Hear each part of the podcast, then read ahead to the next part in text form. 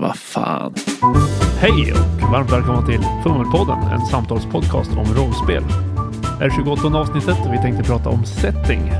Det blir lite om världsbeskrivningar, terminologi om färg och ton samt hur man förmedlar settingen i själva spelandet. Då rullar vi igång. Jag heter Lukas. Jag heter Edvard. Jag heter David. Rollspel grundar sig ofta i att man lever sig in i fiktiva miljöer. Kan vara allt från fiktivt scenario i vanlig modern tid eller mer eller mindre unika och intrikata fantasyvärldar. Just nu håller alla tre på att spela och spelleda Blades in the Dark. Det är på vissa sätt en ganska utförlig världsbeskrivning i den boken med beskrivningar av distrikt och fraktioner och, och SLPs och sådär. Men samtidigt är det extremt kortfattat. Det fokuserar mycket mer på effektiva stämningsord eller konkreta delbeskrivningar än stora mängder info. Jag är lite nyfiken på hur ni två upplever att det har varit att ta till sig den världen inför spel.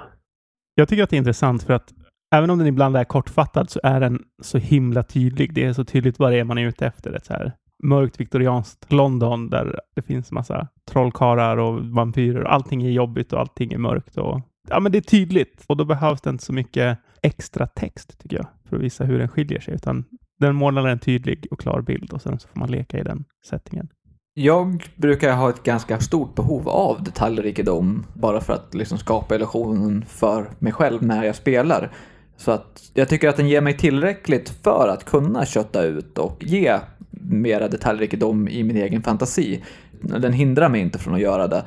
Däremot så blir jag liksom lätt, lätt orolig när jag måste göra så pass mycket detaljarbete i mitt eget huvud eller i, för min egen bakgrundshistoria och sånt där, att mina medspelare gör samma sak fast i en helt annan riktning. Så det finns en liten risk i att man någonstans har målat upp två olika bilder som måste redas ut om de krockar.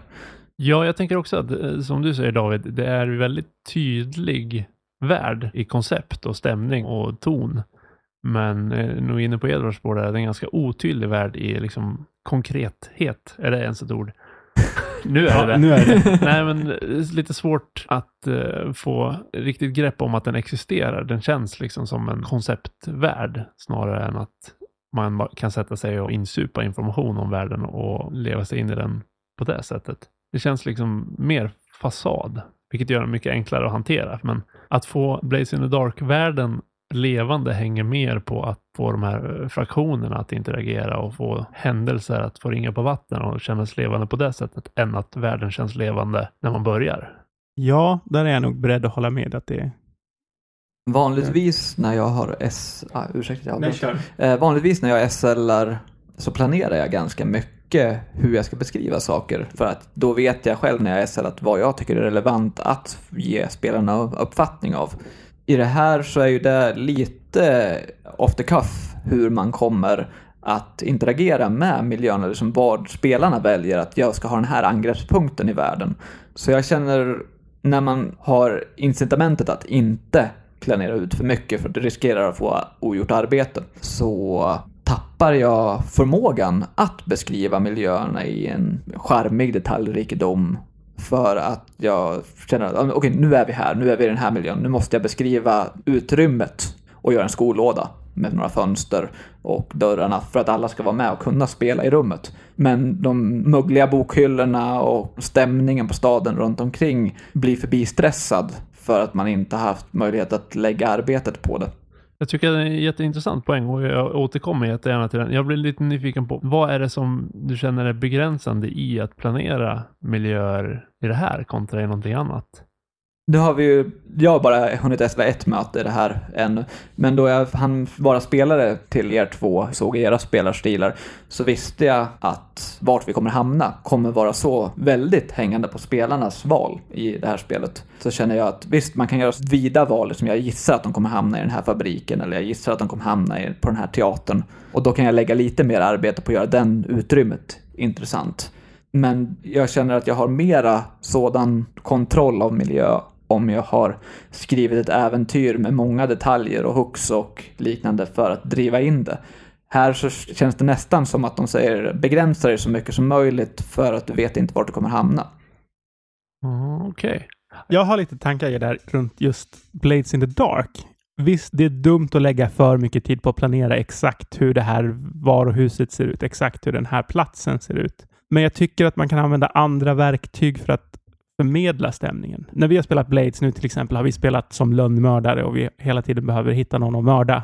Men man kan ju där liksom säga någonting om settingen, hur de här målen eller hur gängen agerar. Det säger ju någonting om det är någon som är så paranoid så de aldrig lämnar sin fortifierade bas, utan hela tiden folk måste komma till dem. Vad de gör på dagarna, att de går dit och de befinner sig på den här klubben. Hur de lever sina liv kan ju säga en hel del också om settingen. Mm. Jag, jag har nog inte gått samma väg som du Edvard heller. Jag har planerat ganska utförligt, fast planerat fyra, fem ställen, varav tre kanske aldrig används eftersom de bara finns där och ni väljer att inte gå dit.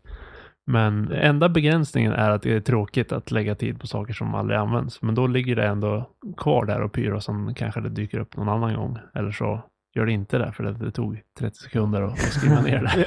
ja. Men tycker du har en intressant poäng där också David, att man kan ju liksom hitta andra medel än liksom konkreta beskrivningar av ett rum exempelvis.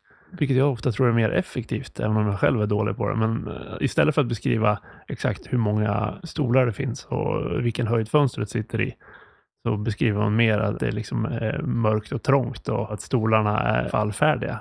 Eh, som David sa, liksom, stadens beteende är någonting jag faktiskt aldrig riktigt har övervägt som en del av setting. Men det är sant, jag såg det mera som sinnesintryck. Just hur staden anfaller dina sinnen.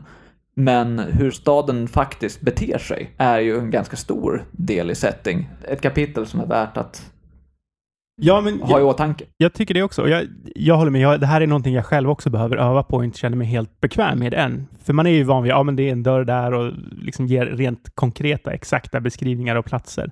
Men jag känner samtidigt att det behövs inte i Blades på samma sätt, för det är inte intressant ur ett berättarperspektiv. Jag tror jag lutar åt att det inte behövs någonstans, kanske förutom det mest eh, taktiska Dungeons and Dragons-scenariot som existerar. Eller i så här old school renaissance. Det är sant. Där Bra behöver poäng. man veta exakt vad som finns och hur man ska hantera det. Men, men å andra sidan, där utforskar man ju mycket genom att ställa frågor snarare än att en spelledare förväntas beskriva allting i detalj. Ja. Så jag tror fortfarande att du tjänar på som spelledare att beskriva stämningen och färgen på en plats och sen såklart viktiga om ja. mitt i rummet står ett monster. Ja, som man inte beskriver för att man inte vill gå in i detalj. Ja. Mm, vi diskuterade med en tidigare spelargrupp hur man ska beskriva en miljö. Då jag sa att jag ville beskriva de irrelevanta sakerna först. För beskriver man liksom hur rummet ser ut runt omkring och sist säger att och bakom skrivbordet sitter personen ni letar efter. Då har de fortfarande fått sinnesintrycket av de andra sakerna jag vill nämna om rummet.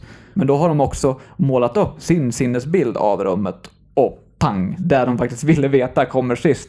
Men jag tror att jag skulle aldrig få chansen att beskriva de andra stämningsgivande sakerna av rummet om jag hade nämnt honom direkt. För att när han är omnämnd så vill spelarna agera. Jag gillar det sättet att beskriva också, men där handlar det om då att vara en skicklig redigerare. För att om man spenderar fem minuter på att beskriva hur det här rummet är och alla inredningsdetaljer och sen, och där bakom, där sitter han. Där måste vi bygga upp till det på något sätt så att det känns ja, Snarare att inte prata i fem minuter utan faktiskt bara gå igenom det viktigaste. Ja, ni kommer in i ett stort kontor med dyr inredning och bakom ett skrivbord sitter han ni har letat efter. Snarare än att... Ja, du kanske kan få in några fler stämningsord eller adjektiv eller någonting. Men du behöver inte beskriva hur stolarna står ställda framför kaminen i det här kontoret. Och hur brasan sprakar i kaminen. Och ja, men det, det kan ju vara ett bra ord. Men om, okay, om du säger ja. att det är en så här halv meter hög kamin i någon form av metall som står i två tredjedelar bort mot bortre väggen och har en skorsten som, som, som löper lite grann på insidan. Det blir ju relevant. Ja. Och så sen, länge en spelare inte frågar om den här kaminen, hur ser den ut? Ja. Det är ju också lite beroende på vilket spel man faktiskt spelar. Vi spelade Götterdämmerung för några år sedan. Som då är ett skräckspel. Eh, 1700-tals eh, okult. Ja, där stämningsbeskrivningen som du ger av ett rum blir timmar spelande, eller kanske inte timmar vart det, men en längre period av spelare där min karaktär blir så pass paranoid så att jag eh, inte vågar gå in i ett rum på grund av björnfällen som ligger på golvet. Ja, och det funkar ju bra om det på något sätt är skräcken man är ute efter. Kanske mm. att detaljera saker Paranoian. stämningsmässigt. Det hade ju inte varit rätt väg att gå om man var ute efter mer action kanske. Nej. Eller något socialt spel.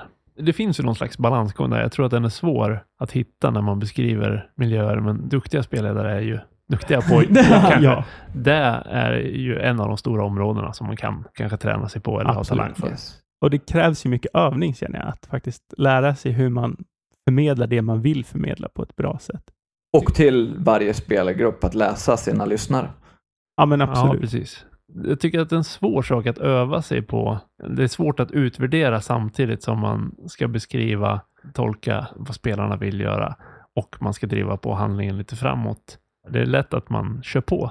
Ja, men det jag tänker med öva är väl framförallt att skaffa sig ett stort ordförråd, att lära sig av andra, att själv egentligen tänka igenom hur vill jag beskriva det här? Mm. Och ja, kanske inte direkt efter liksom så här, ja men vänta nu, innan vi börjar den här initiativrundan, vad tyckte ni om en beskrivning? Så Nej, här? nej, det är fel tillfälle, men det, Men, men kanske efter, du, hur kändes det? Gav jag det här? Vad uppnådde jag? Vad tyckte ni? Mm. Alltså att Ja. efter Det, spelmötet. det är sant. och vilka moment var roligast det här spelmötet och sånt Ja. där. För då kan Ja. man ju leta uppfatta om man bara är intresserad av actionscenerna så Jag tycker ganska mycket om actionscener, men jag tycker inte man ska underskatta poängen i att ha stämning i actionscener också, eller att ha en miljöuppfattning i actionscener också. För att annars, då hamnar man lätt i det här, då hugger jag sen hugger den och sen hugger jag tillbaka. Medan har du en intressantare miljö, då kan man ju göra intressantare val.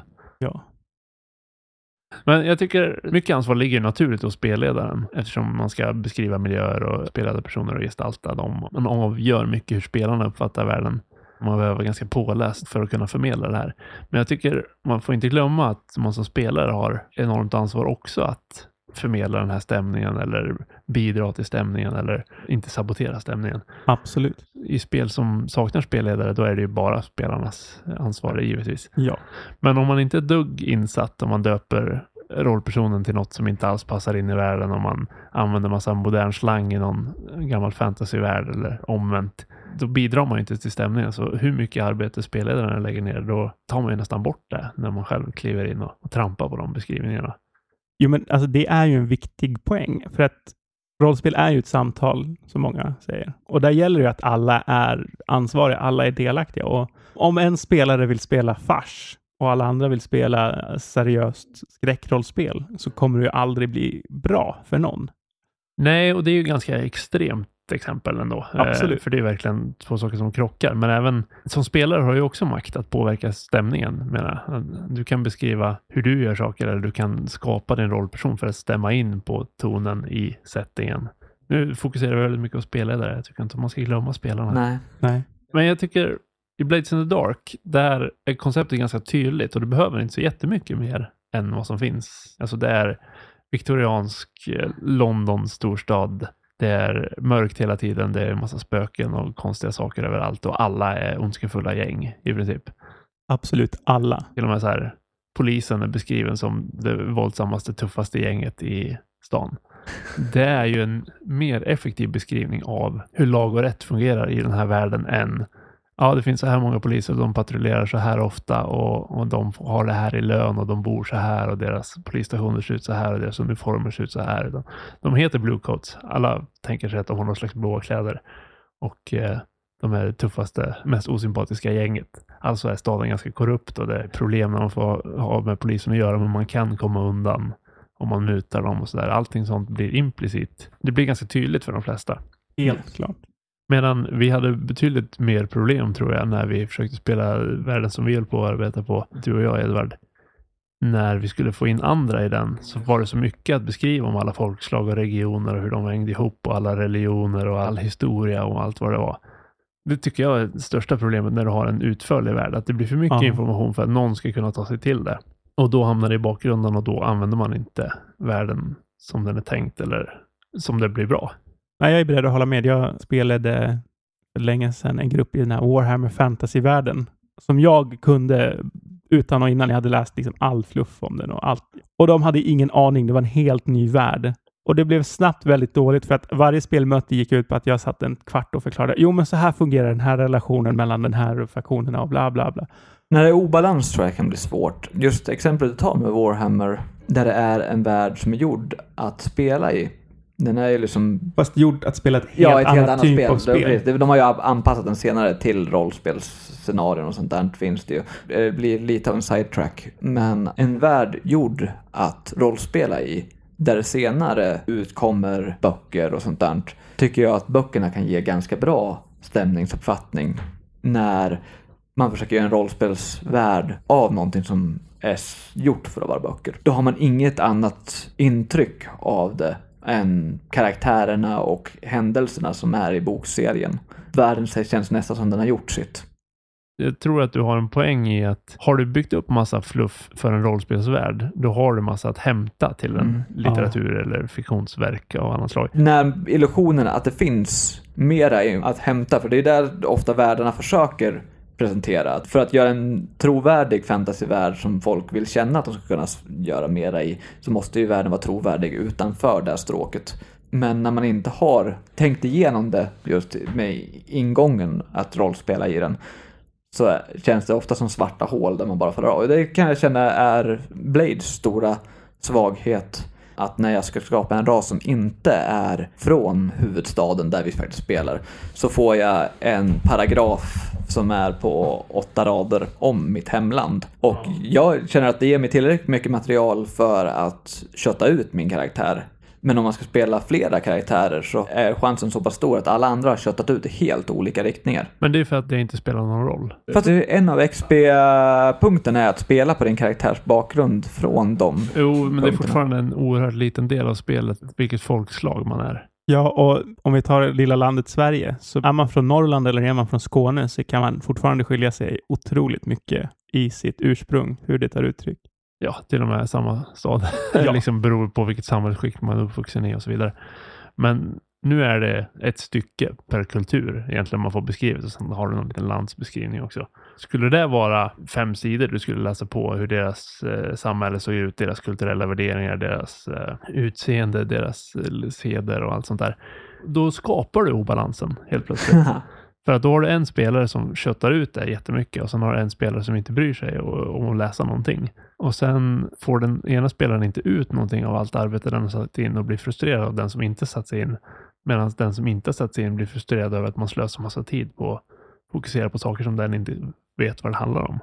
Ja, jag kan känna så här, om vi tar Forgotten Realms. Där finns det ju hur mycket material som helst att sätta sig in i. Och det blir så svårsmält att jag vill inte sätta mig in i det, för det blir för mycket för att vilja spela i den. Och att den har en kronologi också där man måste veta när man spelar för att vissa eventbooks och sånt där Ja, förändrar hur olika länder gestaltas om det är före eller innan någon stor kataklysm eller liknande sånt där. Så hela världen är kronologiskt obunden. Ja, och att hela liksom, världen känns som att den är uppbyggd för att äventyrare ska fixa allting. Alla är äventyrare. Är man inte äventyrare så är det dumt. Att det känns så här kon- alltså, ja. Jo, men, och där blir det ju också en sån, mängden information som finns tillgänglig. Det blir svårt att ens veta var man ska börja. ja. Och även om man då får en kort beskrivning, då är man medveten om att den här beskrivningen är ofullständig. Egentligen borde jag läsa på mer. Och sen har man någon i spelgruppen som har läst på mer och så krockar det för att det blir obalans i kunskapsnivå. Ja, så att jag gillar det här när det är, det finns lite information som ger en krydda, men som ändå är tillräckligt öppen för att det ska kunna vara ganska spritt. Ett spel som lider av för mycket information, det är ju egentligen Call of Cthulhu. Hela Cthulhu-mytoset egentligen. Absolut. Där har du systematiserat vad utomjordingarna är och vad, vad alla monster är och hur allting hänger ihop och vilken gudom som är vad och vilken symbol den har. Som spelare, vet du för mycket, då får du stämningen förstörd. Spoilar dig själv. Nu kommer den här obeskrivliga skräcken. Ah, just det, det är en sån där, den har jag sett bild på i Monster Manual. Alltså, jag är inte jätteinsatt i Cthulhu-mytoset alls, men jag vet vem Cthulhu är. Jag vet vem Dagon är. Jag har, det är ett offer för sin egen popularitet. Ja, jag håller med. Nu kommer jag inte ihåg vad det heter, om det heter Unknown Armies eller Silent Legions heter det. Lovecraft. Men det utspelar sig inte i Cthulhu-mytoset egentligen, utan du håller på att skapa egna gudomar och monster som håller på att intrigera mot varandra och kulter och så vidare. Du får samma ton och samma inslag som i Cthulhu-mytoset, men det är du som har genererat allting med tärningar i början. Det är ju en av fördelarna med att man faktiskt har en spelledare. Att den kan komma på helt nya saker. Ja, sant. Och det tycker jag man kan göra även i fördefinierade världar. Jag gillar den här världen förutom de här detaljerna. De ändrar jag på. Ja, visst. Men jag tror spontant att jag tycker att Blades löser det ganska föredömligt. Att du har ett tydligt koncept, du har en tydlig värld, du har liksom namn på de viktiga sakerna. Och sen som spelare får man korta beskrivningar på distrikt och fyra, fem landmärken och ett par SLPs. Och sen får man även lite så korta detaljer i punktform. Så här, så här ser gatorna ut. Den här typen av människor rör sig på det här sättet. eh, och Det finns de här inslagen. Så här ser byggnaderna ut i det här distriktet ungefär. En övergriplig bild av allting, men inte liksom djupa detaljer om någonting.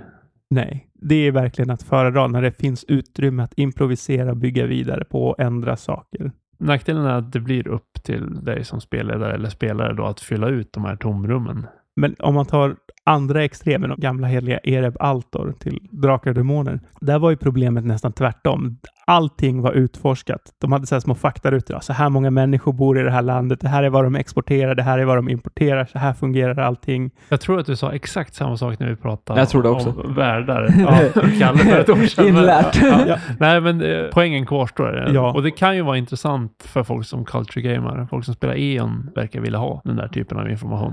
Jag fick alltid intrycket när man spelade det att det slutade alltid på att man hamnade på en oupptäckt ö.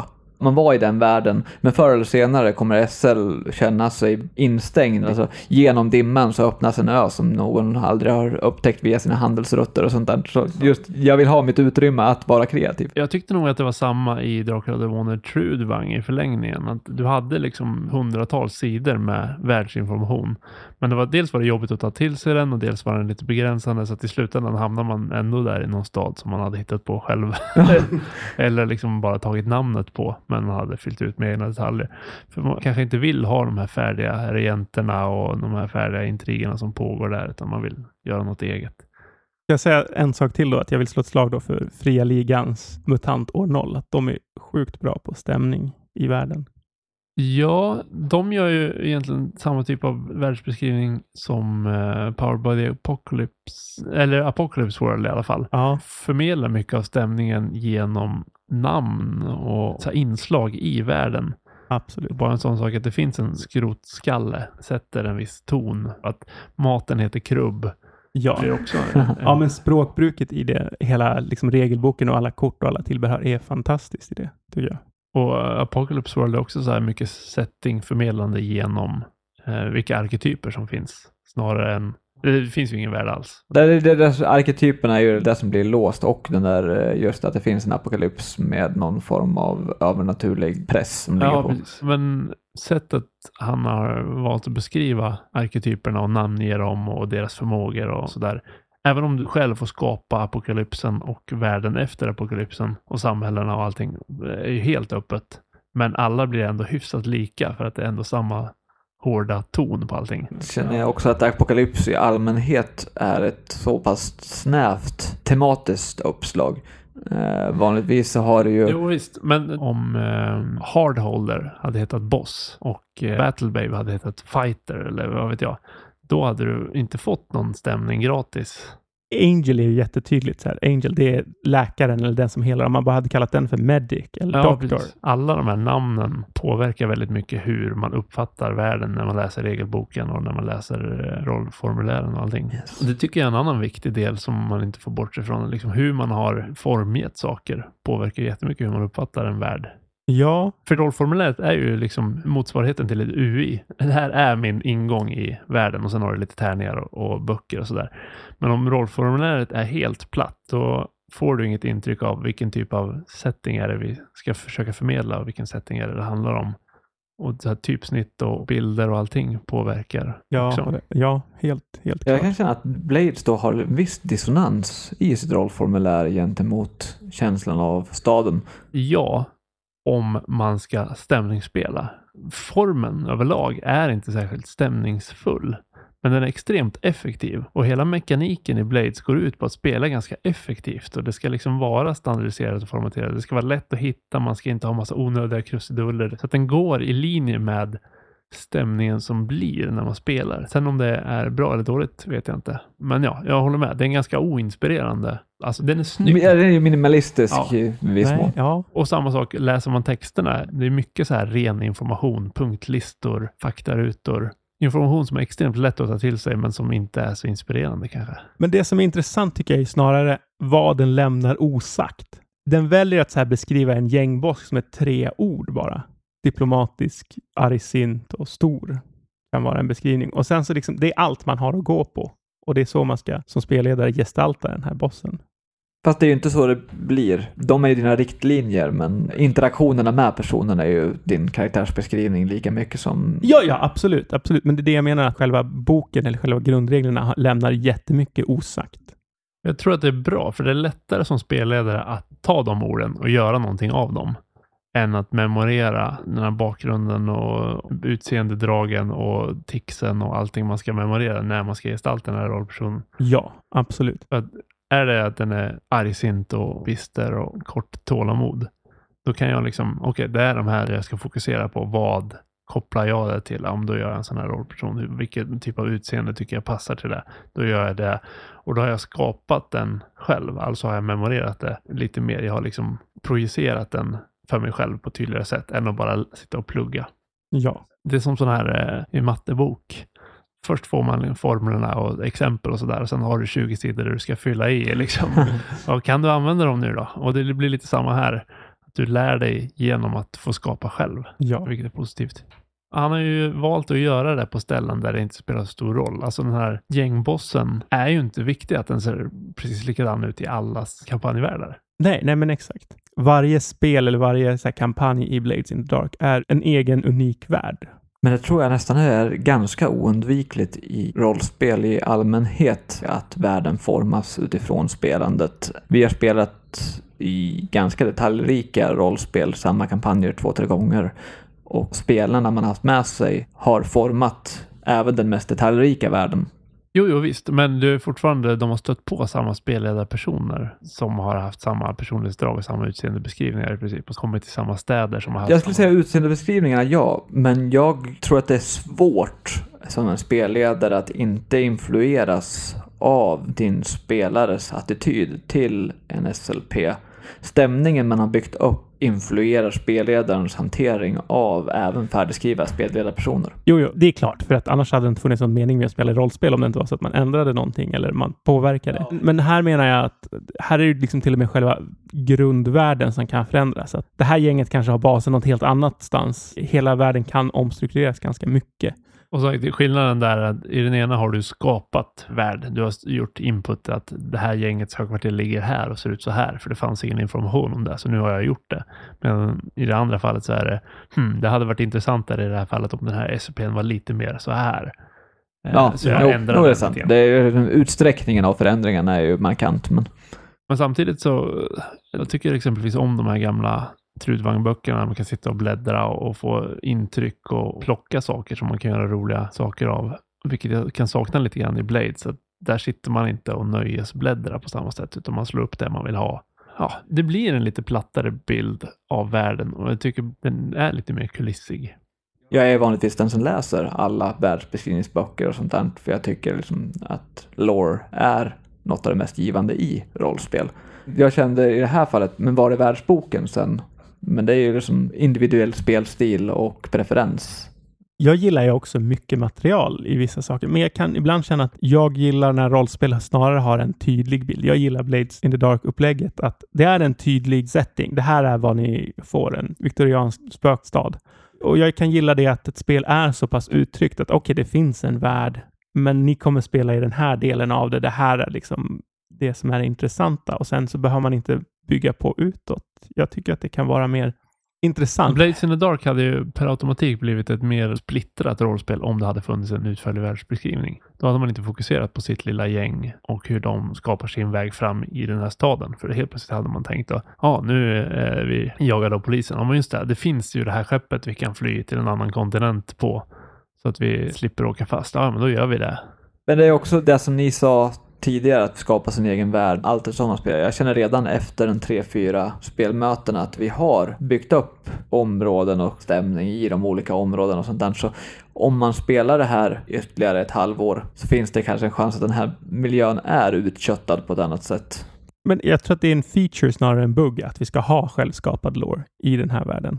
Ja, och fördelen där är att återigen, då har alla varit med i processen. Och det kan jag uppleva när du och jag har skapat värdeledare, att vi har haft väldigt bra koll på världen. Och vi har varit väldigt intresserade av världen för att vi har skapat allting och varit med på varenda steg av processen.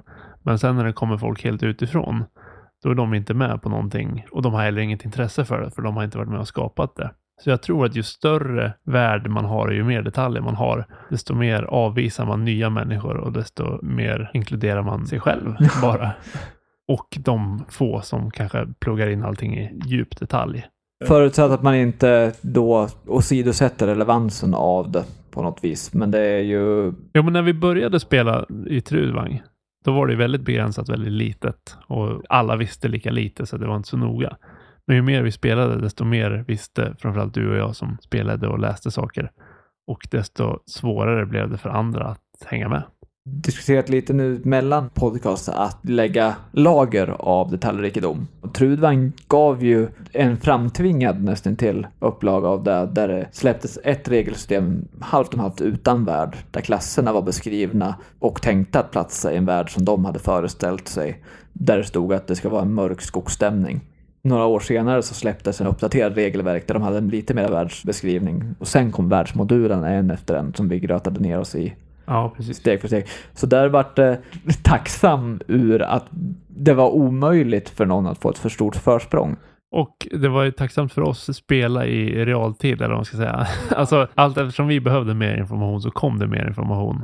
Men så var det även när vi började spela i vår egenskrivna värld. Att vi hade en ganska bra koll på allting, men sen byggde vi ut allt eftersom och för varje äventyr eller kampanj vi spelade så utforskade vi mer av den. Mm.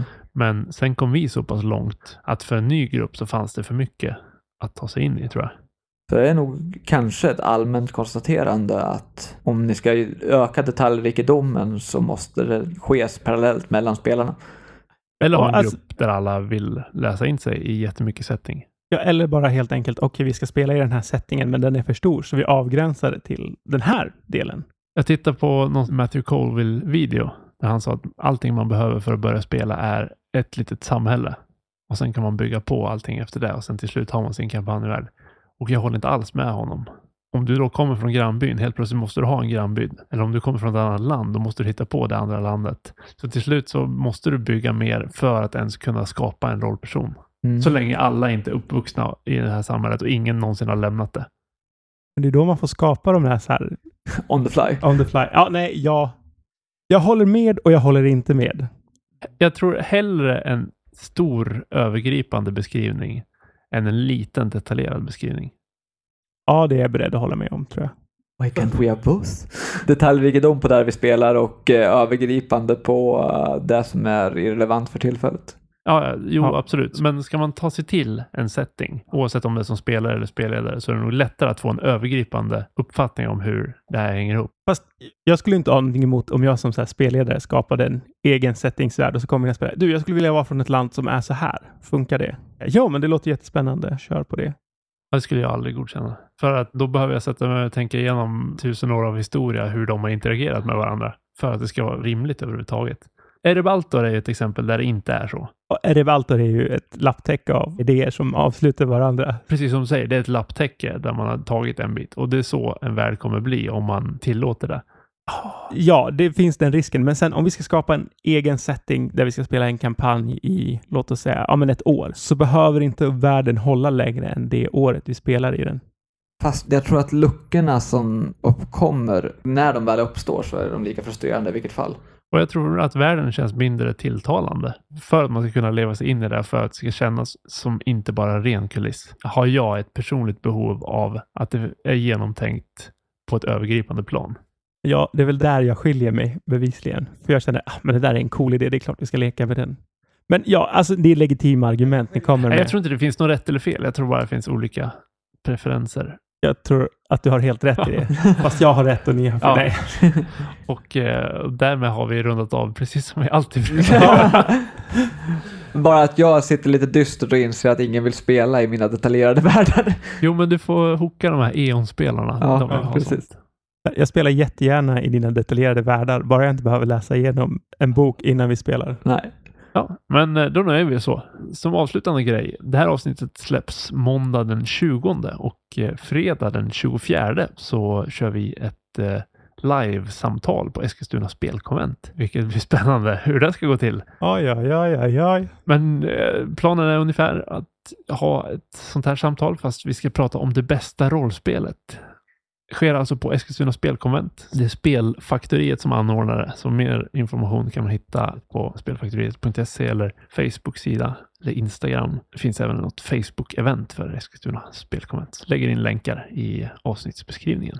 Kom gärna dit, spela lite rollspel, brädspel, figurspel, kortspel, Monopol. spelspel, så ser vi hur det här samtalet går för oss.